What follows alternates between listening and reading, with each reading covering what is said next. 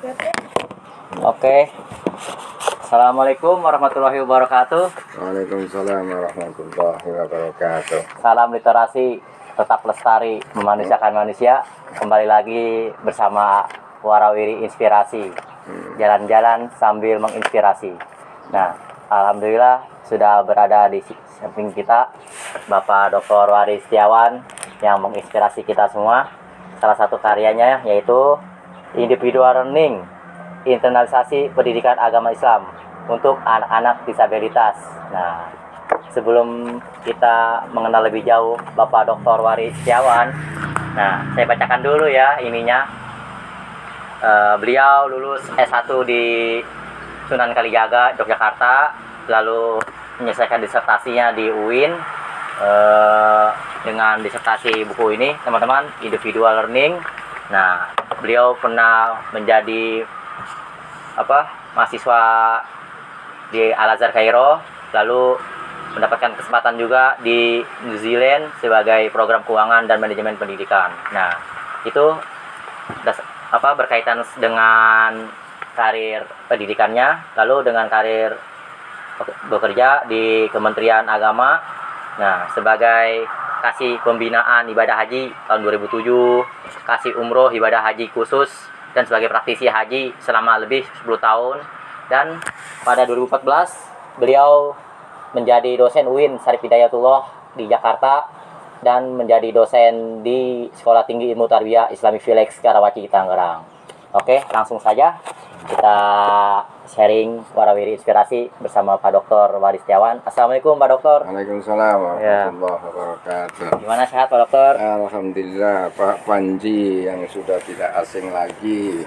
Ya, Ya, saya mengenal Anda ketika jadi mahasiswa dan sekarang sudah eh, apa namanya sudah selesai dan eh, menangani masalah-masalah sosial. ya. itu yang kita kenal uh, warawiri ya. Ya. Ya, gimana Pak Dokter dengan apa kegiatan-kegiatan sekarang ini di mana pertama ppkm ya Pak ya, hmm, gitu kita lebih cenderung di rumah aja Pak ya. ya.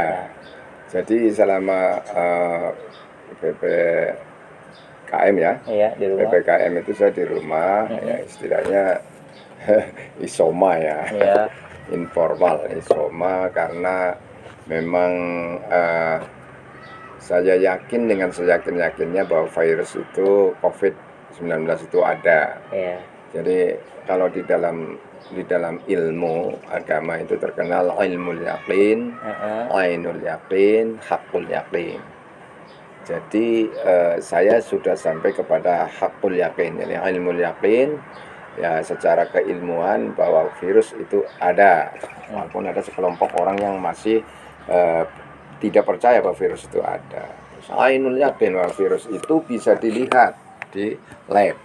Kalau kita sakit mau kena atau enggak tentang COVID itu harus eh, ada tes eh, adanya di laboratorium. Kalau reaksi positif maka kita kena COVID. Oke. Ya. Terus hakul yakin ya ketika kita itu sudah menderita Nah, gitu seperti itu. Saya sudah sudah tiga tiganya sudah sudah mengalami begitu ya Ya, dan saya eh, di rumah saja. ya. Oke Pak, itulah seputar masa-masa ppkm ya yang teraktual saat ini. Nah ini Pak berkaitan dengan buku hasil karya Bapak ilmiah Hmm. seri disertasi yang berjudul Individual Learning. Ini dilatar belakangi oleh apakah Pak? Hmm. Karena ini sangat menarik tentang anak berkebutuhan khusus ABK. Ya, boleh Pak dijelaskan Pak. Jadi eh, kesimpulan besarnya begini, individual learning itu ya pembelajaran individu yang diadakan di sekolah spektrum adalah khusus eh, pembelajaran yang dilakukan oleh anak berkebutuhan khusus ABK ya Ya. disingkat ABK. Kalau dulu eh, itu terkenal anak yang nggak normal gitu ya. Di situ saya terinspirasi di dalam eh, surah Al-Basa ya, Al-Basa wa Tawalla Mhm. dari mulai ayat 1 sampai di situ eh, ayat eh, 7 ya Ya. itu yang terkait dengan itu ya Mm-mm. ayat 1 sampai ayat 7 jadi di situ dulu pada waktu sahabat itu bahwa petunjuk itu tidak khusus bagi orang-orang yang normal saja Oh, ya ya ya. tetapi juga eh, anak yang cacat ya anak yang nggak eh, nggak normal Iya. abnormal itu adalah punya tiket untuk surga ya punya tiket ya punya hak yang sama untuk menerima kebenaran agama. Tetapi Mm-mm. eh, masyarakat itu punya stigma negatif. Punya stigma negatif karena eh, eh, anak berkebutuhan khusus atau ABK atau anak cacat itu ada yang mengatakan anak eh, laknat Tuhan. Oh. ya. Mm-mm. terus kemudian anak yang eh, tidak berguna untuk masyarakat anak yang tidak punya masa depan. Iya, ya. Benar padahal saya sebaliknya dengan kecacatannya itu dengan apa namanya abnormalnya itu justru dia masih bisa bertahan hidup. Itu kan iya. merupakan suatu prestasi yang luar biasa. Nah, ya prestasi yang luar biasa. Dan ini jarang sekali orang yang empati orang yang memikirkan itu. Nah, maka saya terpanggil itu. Nah, iya, bagaimana saya me- mengedukasi kepada masyarakat dari stigma negatif menjadi stigma positif. Nah, karena ah, ke keabnormalnya itu banyak sekali itu Ya, misalkan orang yang buta ternyata banyak dokter buta tapi dokter. Tunanetra ya Pak ya, ya, tapi tunanetra tapi Hmm, dokter dokter. dia memang buta matanya tapi hatinya nggak buta Oh iya benar Pak. dia hafal Quran Mm-mm. kemudian disertasinya di UIN saya punya teman begitu Mm-mm. ada itu nah itu kan sebetulnya waktu zaman Rasulullah juga, juga ada seorang sahabat yang bertanya dan kemudian Rasulullah itu istilahnya eh, pada waktu itu Rasulullah lagi berdakwah kepada pembesar-pembesar Quraisy Iya. tahu-tahu Abdullah bin Umi Maktum Maktum. ya itu dia apa namanya nyeletuk gitu Oh. mau menanyakan sesuatu tentang agama pertama itu eh, bermuka muram Rasulullah Perlu kamu ram. ya akhirnya ditegur oleh Allah Betul. jangan kayak gitu kamu seorang rasul siapa pun tidak ada diskriminatif Oh. gitu loh karena dia buta Padahal dia buta ingin belajar. tetapi, tetapi hatinya nggak buta, buta. jadi Datang ke Rasul ingin belajar. ya, nanti kalau Rasul ingin belajar Nah, gitu terus Rasulullah bermuka masam, Bermuka sama bermuka muram. Iya, nah, pada waktu itu secara manusiawi Heeh. eh, karena target sasaran Rasulullah itu orang-orang pembesar Quraisy, Iya. Abu Jahal, Abu Lahab dan Abu-Abu yang lain, Iya.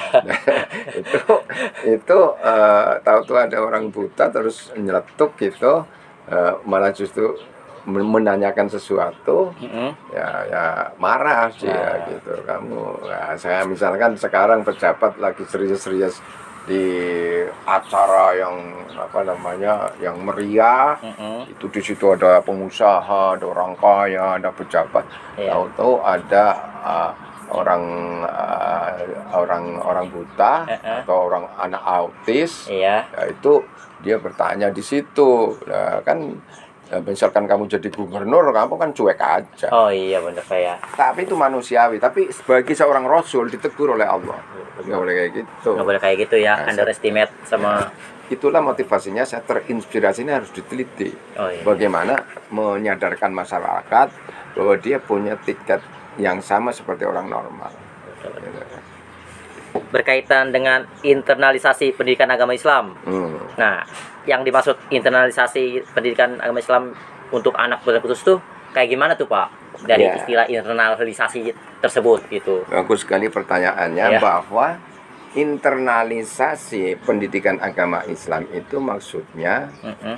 bahwa eh, anak itu harus dididik ya tidak hanya mengerti secara teoritis Oh ya, Ya. benar benar benar benar. benar. tetapi justru dia mengerti menghayati dan mengamalkan Iya. ya makanya dalam Al-Quran dikatakan afala tatafakkarun afala tatadzakkarun afala taqilun ya Iya. Ya terus Nah, lebih ya sekarang banyak sekali pendidikan-pendidikan agama yang di sekolah-sekolah unggulan Heeh. maupun pun sekolah madrasah sanawiyah ya baik yang formal maupun informal dan swasta maupun tidak itu baik pesantren yang unggulan maupun enggak pesantren yang tradisional dan tidak itu dia itu ada kekurangan Uh-uh. internalisasi agama Oh, iya iya iya.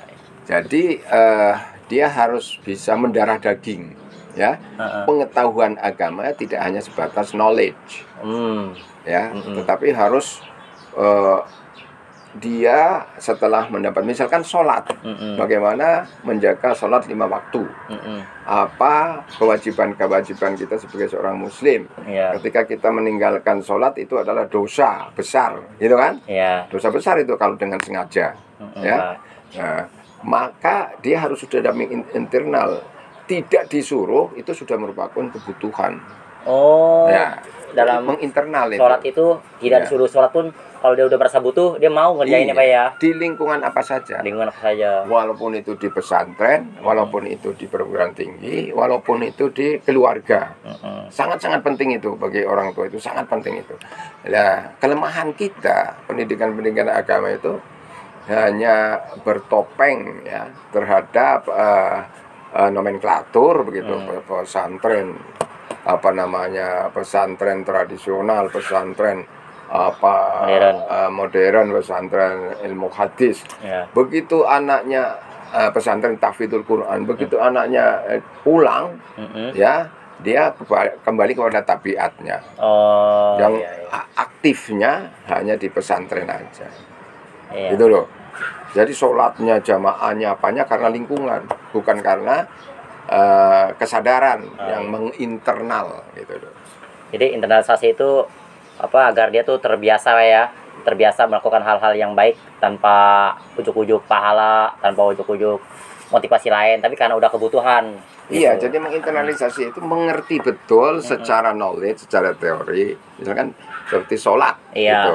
Dia tahu ilmu sholat. Ya. Heeh. Setelah itu dia itu meng- mengamalkan, Heeh. setelah itu bisa menghayati iya dan dia itu tidak pernah meninggalkan, iya ya, kecuali darurat ya. Darurat saja juga harus harus apa ada ada apa namanya di kodo ya ada iya. semacam itu kan iya benar-benar ada belasannya. Pokoknya kalau muta'amidan meninggalkan meninggalkan sholat dengan sengaja maka sama dengan mengerjakan zina. oh gitu pak Itu anak-anak anak-anak kita itu sekarang Iya. kebanyakan itu eh, bablas ya artinya tidak memperhatikan waktu-waktu sholat ya. Eh, misalkan isya yang rawan itu isya dan subuh. Mm-mm. Ya, itu saya terpanggil. Tetapi justru anak berkebutuhan khusus itu, saya punya pengalaman di sini, iya eh, dia dibawa ke sini. iya Teman saya kebetulan punya anak berkebutuhan khusus, Heeh. kemudian sepak bola dengan saya di lapangan ini, iya ya. Begitu sepak bola dengan anak saya, datanglah azan, suara azan, ya. Eh, lagi asik-asiknya sepak bola, dia langsung menjerit gitu ya anak anak nggak normal kita sholat dulu pak kita sholat dulu Oh. pak gitu. terpanggil pak terpanggil terundang Kita oleh ajan dulu, Pak. berkumandang akhirnya bapaknya yang yang apa namanya yang memang bapaknya sudah eh, orang tuh yang biasa eh, tahu ya dia Hmm. biasa me- merawat dia membimbing dia di rumah Heeh. maka eh, dia mencontohin berhenti itu sepak bolanya dan kita jamaah masya allah pak Ya. itu sangat menginspirasi kita semuanya pak ya Iya. Setelah itu jamaah, begitu dia jamaah, takbiratul ihram, Allahu Akbar, dia ketawa-ketawa. mengapa dia ketawa-ketawa pak Ya karena eh, dia enggak normal dalam dalam sisi apa pak dari sholatnya, dari dari segi ininya. Jadi dia punya lemah, lemah Oh, dalam IQ dalam ingatan IQ-nya Iya. itu lemah, ya, Mm-mm. IQ-nya lemah. Jadi ketawa-ketawa. Ketawa. Pertanyaannya, Iya. apakah sholatnya dia nggak diterima?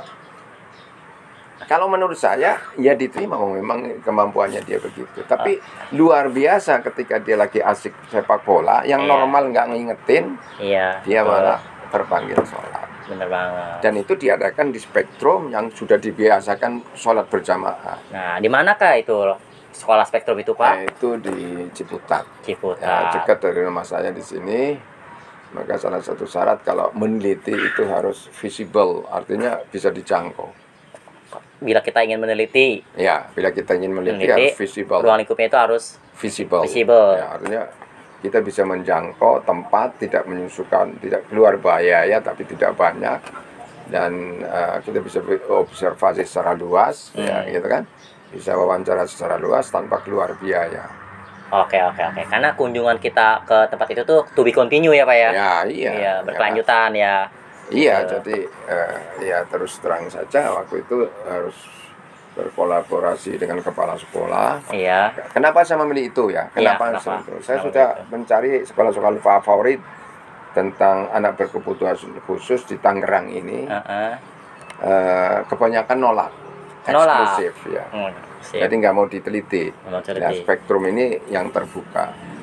Apa faktor sekolah tersebut sampai orang yang ingin meneliti gitu, ingin pengabdian masyarakat. Ini kan berkaitan dengan tridharma pendidikan ya pak ya. Mm-mm. di mana setelah pembelajaran ada penel- apa ada pen- penelitian lalu ada pengabdian masyarakat ya pak ya Hmm. nah mengapa ada orang peneliti ingin meneliti lalu ditolak atau ada kendala apa gitu kenapa pak sering terjadi seperti itu Ya, karena dia kan eh, tidak mau oh, anaknya yang disabilitas itu, istilahnya disabilitas itu, dia eh, diketahui. oh Padahal iya. sebetulnya ketika seorang autis Mm-mm. yang punya kecerdasan luar biasa itu ketika Iya. lahir, saya punya tetangga di sini, Mm-mm. itu ketika dia UN, iya ya, malah matematikanya 9, Masya padahal Allah. autis. keren banget keren keren keren ketika dia itu ketika dia itu normal kembali Iya. normal itu justru dia lebih cerdas lebih sopan gitu ya lebih bermasyarakat begitu Eh, eh, tetapi orang tuanya biasanya ya merasa minder gitu ya dan sekolah termasuk sekolahnya itu menutupi gitu kan padahal itu kebanyakan terdapat anaknya orang-orang kaya oh iya iya, iya. jadi diantar pakai mobil yang supirnya eh, menemani sampai dia selesai gitu ya dari mulai Iya. pagi sampai sore gitu ya. Mm. Eh, terus di rumah dilanjutkan oleh kedua orang tuanya selalu membimbing gitu. Jadi cepat sembuh ketika eh, kasusnya itu misalkan autis itu cepat dia normal kembali. Berarti Pak, kalau ada orang tua yang memiliki anak disabilitas atau ABK, anak kebutuhan khusus, itu sebenarnya anugerah ya Pak ya, benar-benar anugerah ya Pak, bukan beban ya, bukan aib gitu ya. Kayak, tapi kan banyak orang tua itu udah udah udah biarin anak kita begini gitu, jangan di itu gitu, dibesarkannya itu gimana tuh Pak? Jadi sebetulnya ketika kita memahami ya Iya, eh, kehidupan dan penghidupan itu sebetulnya ada cobaan. hmm, Jadi Tuhan tidak kebanyak Tuhan itu tidak akan memberikan kepada kita semuanya, hmm, ya. Maksudnya Allah itu eh, memberikan kita ada yang kaya, ada yang miskin, ada yang punya ilmu tapi nggak punya anak, hmm, hmm. Ya. benar benar banget benar. Iya, ya. Ada yang punya ilmu sampai profesor nggak punya anak. iya, Ya, itu kan sebetulnya sih bagaimana sikap kita, ya kita mensyukuri aja bahwa ini hidup adalah cobaan. Ketika dia menerima cobaan itu dengan sabar, iya, ya, maka sesungguhnya walaupun punya autis seperti apa yang kamu katakan adalah anugerah. iya, Tapi kan jarang yang kayak gitu. jarang ya Pak. Karena itu harus didukung dengan keilmuan yang tinggi. Oke oke oke. Eh, Cara Bapak membangun komunikasi saat meneliti tentang anak kebutuhan khusus, bagaimana Pak? Kan ada isyarat-isyarat yang tidak dimengerti, ada gimmick-gimmick muka dari mereka gitu. Komunikasinya Bapak membangun komunikasi bagaimana Pak? Jadi saya di sana eh, setiap datang itu disambut dengan kepala de kepala sekolahnya, sorry, Iya. kepala sekolah, wakil kepala sekolah, semua guru, dewan guru. Mm-mm. Terus kemudian di situ ada ada ada bandnya di situ. Mm-mm. Jadi ada musiknya, ada yang pakai kerudung dan sebagainya. Dia Hmm. menampilkan menampilkan kebolehannya. Mm-mm. Te- ke- eh, dia nyanyi, Iya. nyanyi untuk menyambut saya dan sebagainya. Kemudian juga di situ karena saya internalisasi pendidikan agama, ada sholat jamaah, Oh. terus kemudian di situ ada sholat Jumat, itu dia di masjid Mhm. tapi di masjid itu dia eh, mukul-mukul beduk gitu Hmm. tahu nggak Ya. Ah, mukul beduk awalnya masyarakat lagi eh, lagi khotib lagi khotbah dia mukul-mukul beduk Ya. awalnya masyarakat itu eh, melarang Ya. Tapi setelah kepala sekolahnya itu memberikan memberikan pengertian kepada masyarakat bahwa Aha. itu ya memang kayak gitu mau diapain lagi gitu. Akhirnya walaupun dia memukul beduk ya hanya eh, hanya hanya diselamatkan gitu, jangan Oke. mukul beduk gitu. Tapi tidak dimusuhi, Iya. ya, tidak dimusuhi, merupakan sesuatu yang wajar. Ya itu yang susah. Susah ya, Pak ya. Ya tidak semua masyarakat menerima itu. Harus diedukasi masyarakat. Harus diedukasi, Iya. dikasih pencerahan bahwa anak putra khusus itu harus dimanusiakan Pak, ya. anak kita ya memanusiakan kita, manusia memanusiakan manusia Iya. gitu. Nah, terus berkaitan dengan pemberdayaan anak kebutuhan khusus, Pak. Saya pernah melihat bahwa ada orang yang tunanetra pakai tongkat menjual kerupuk, Pak.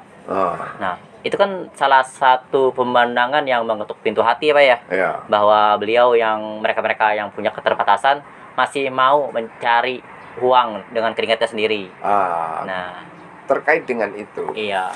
sebetulnya harus dikembangkan sesuai dengan potensinya Oh, dengan iya, potensinya dengan kemampuannya dengan bakatnya bahkan mereka luar biasa benar-benar. Mm-mm. ketika mereka mereka sudah punya uh, punya kemampuan musik misalkan Iya, kemampuan membaca Al-Qur'an tahfidz Quran luar biasa gitu ya iya. Terus eh, eh, kemudian ada yang bisnis dan jualan kerupuk. Saya pernah pengalaman Iya, dari rumah ke Pamulang, saya lihat jualan kerupuk di situ. iya. Eh, saya mau ngasih sodakoh, Heeh. ya.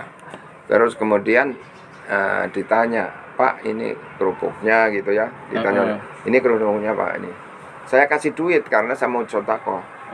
Dia eh, nggak mau, Nggak mau, Pak. nggak mau. Nggak mau. Ya, jadi nggak mau dia dia nggak mau. Saya tanya, kenapa saya ingin sodako? Enggak pak, saya kan dagang. Iya.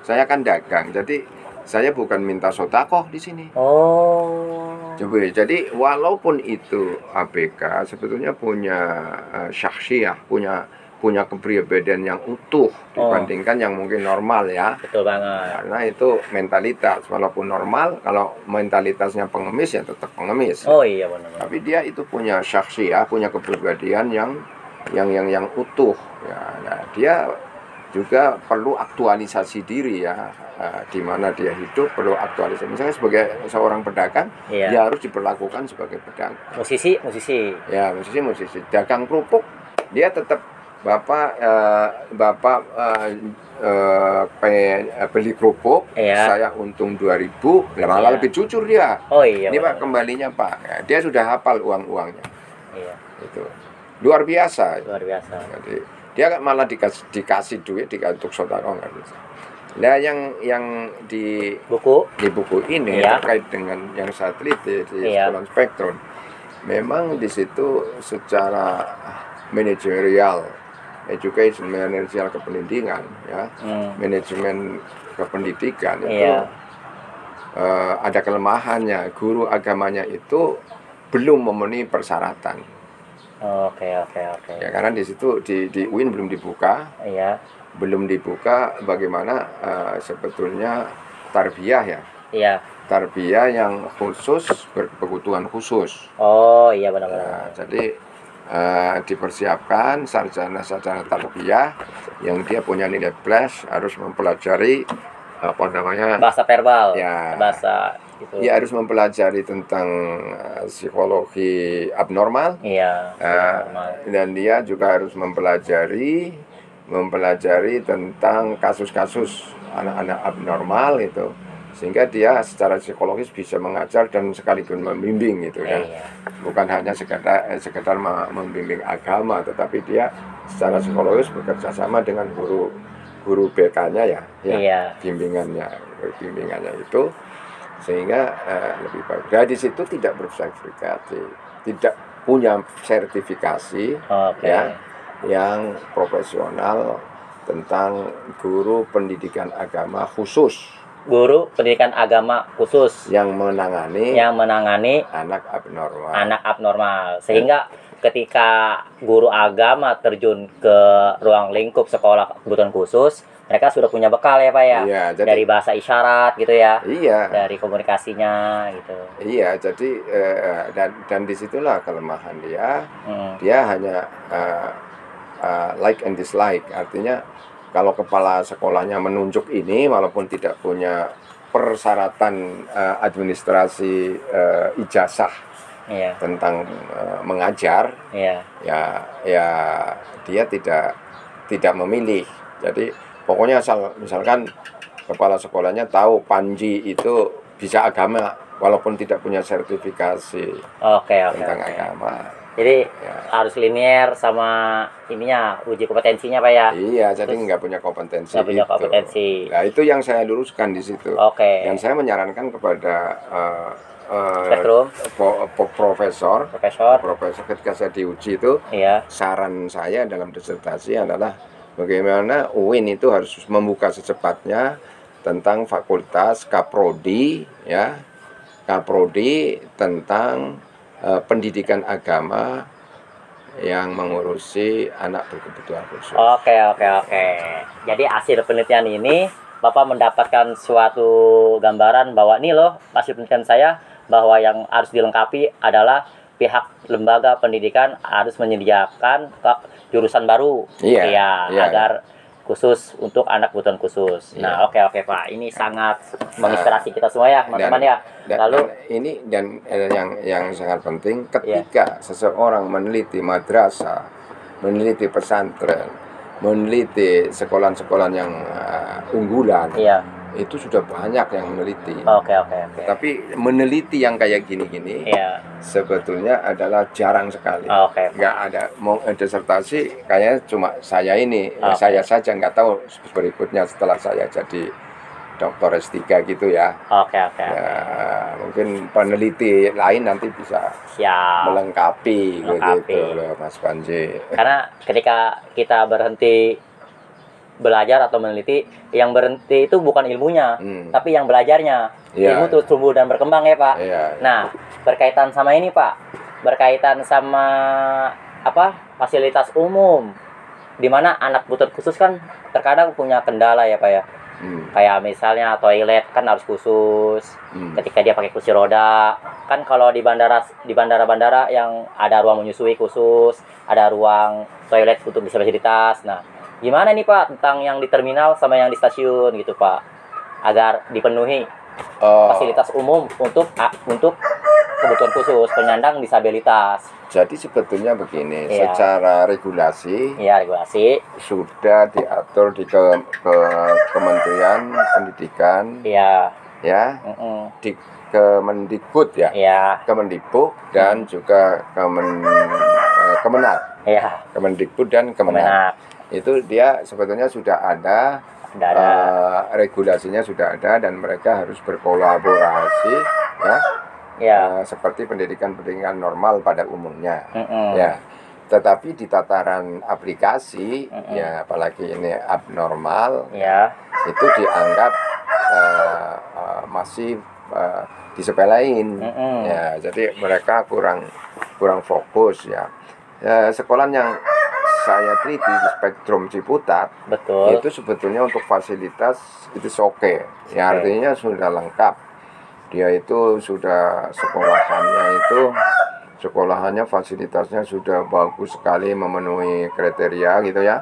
Ya dan eh, lagi-lagi itu eh, bayarannya? Iya. Bayarnya tinggi, Tinggi. karena kebanyakan orang kaya. Orang kaya. Jadi sebulan itu ada yang 5 juta iya. ada yang tiga juta setengah. Iya. Ya itu uang apanya? Pangkal bukan uang pangkalnya. Heeh. uang bulanannya. Bulanannya. Uang pangkalnya lain lagi. Dan lagi.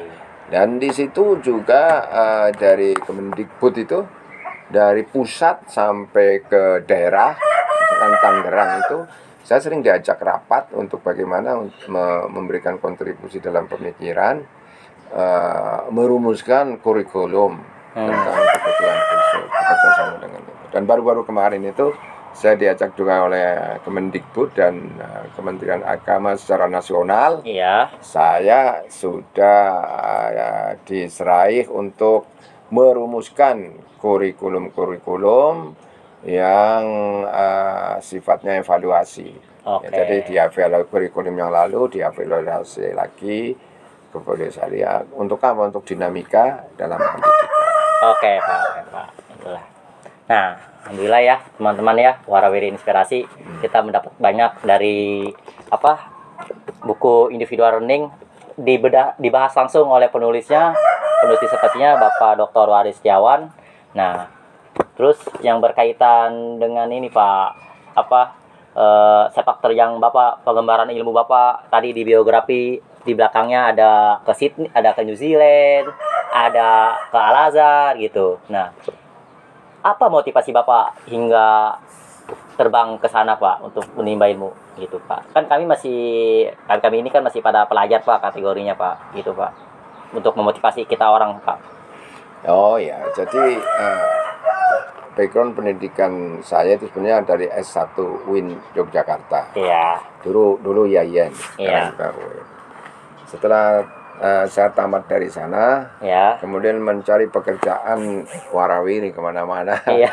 Wer wer wer. Itu sulitnya mencari pekerjaan Heeh. dan lagi-lagi sudah tes nggak diterima, sudah tes nggak diterima. Heeh. Yang diterima itu yang ada koneksi, yang diterima itu yang ada uang. Iya. Saya pada waktu itu masih sarjana yang idealis, Oke. ya nggak punya, nggak nggak mau koneksi, nggak mau, nggak mau pakai uang. Iya. Kalau memang saya sekolah selama selama apa enam semester, ya enam semester, kemudian saya jadi sarjana dan pantas saya punya sertifikasi mengajar S1 Iya.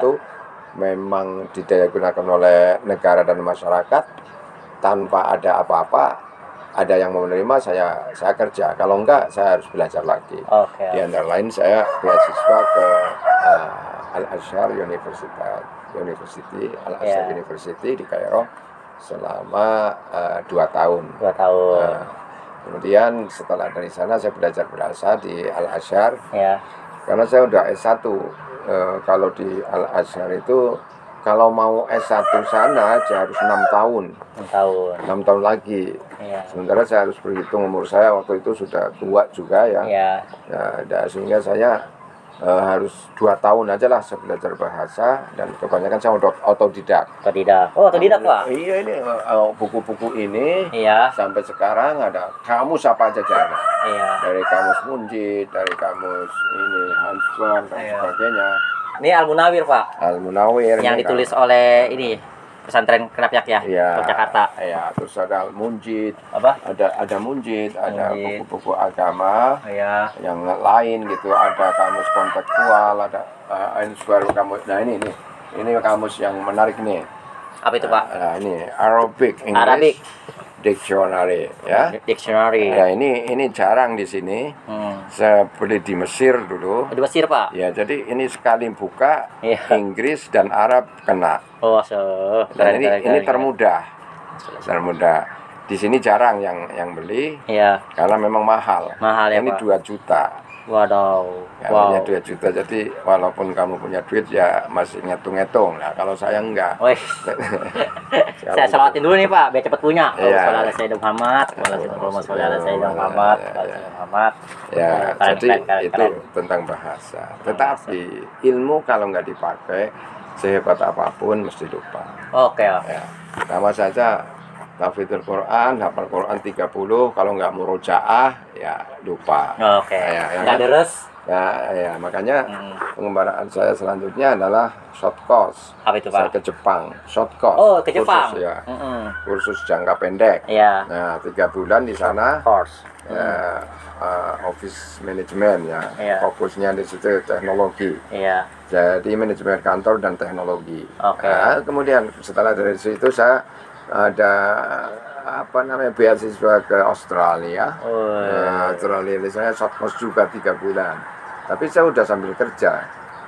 Jadi pokoknya ada kesempatan kalau sekarang cari di Google tes begitu tes lulus uh, TOEFL-nya kurang-kurang sedikit nanti dikursuskan di Australia di kedutaan ke Australia tiga bulan baru kita go itu ke sana Oke, oke, oke. tiga bulan di di Melbourne, Melbourne. University kemudian di New Zealand Oke. New Zealand bacanya New Zealand ya Iya.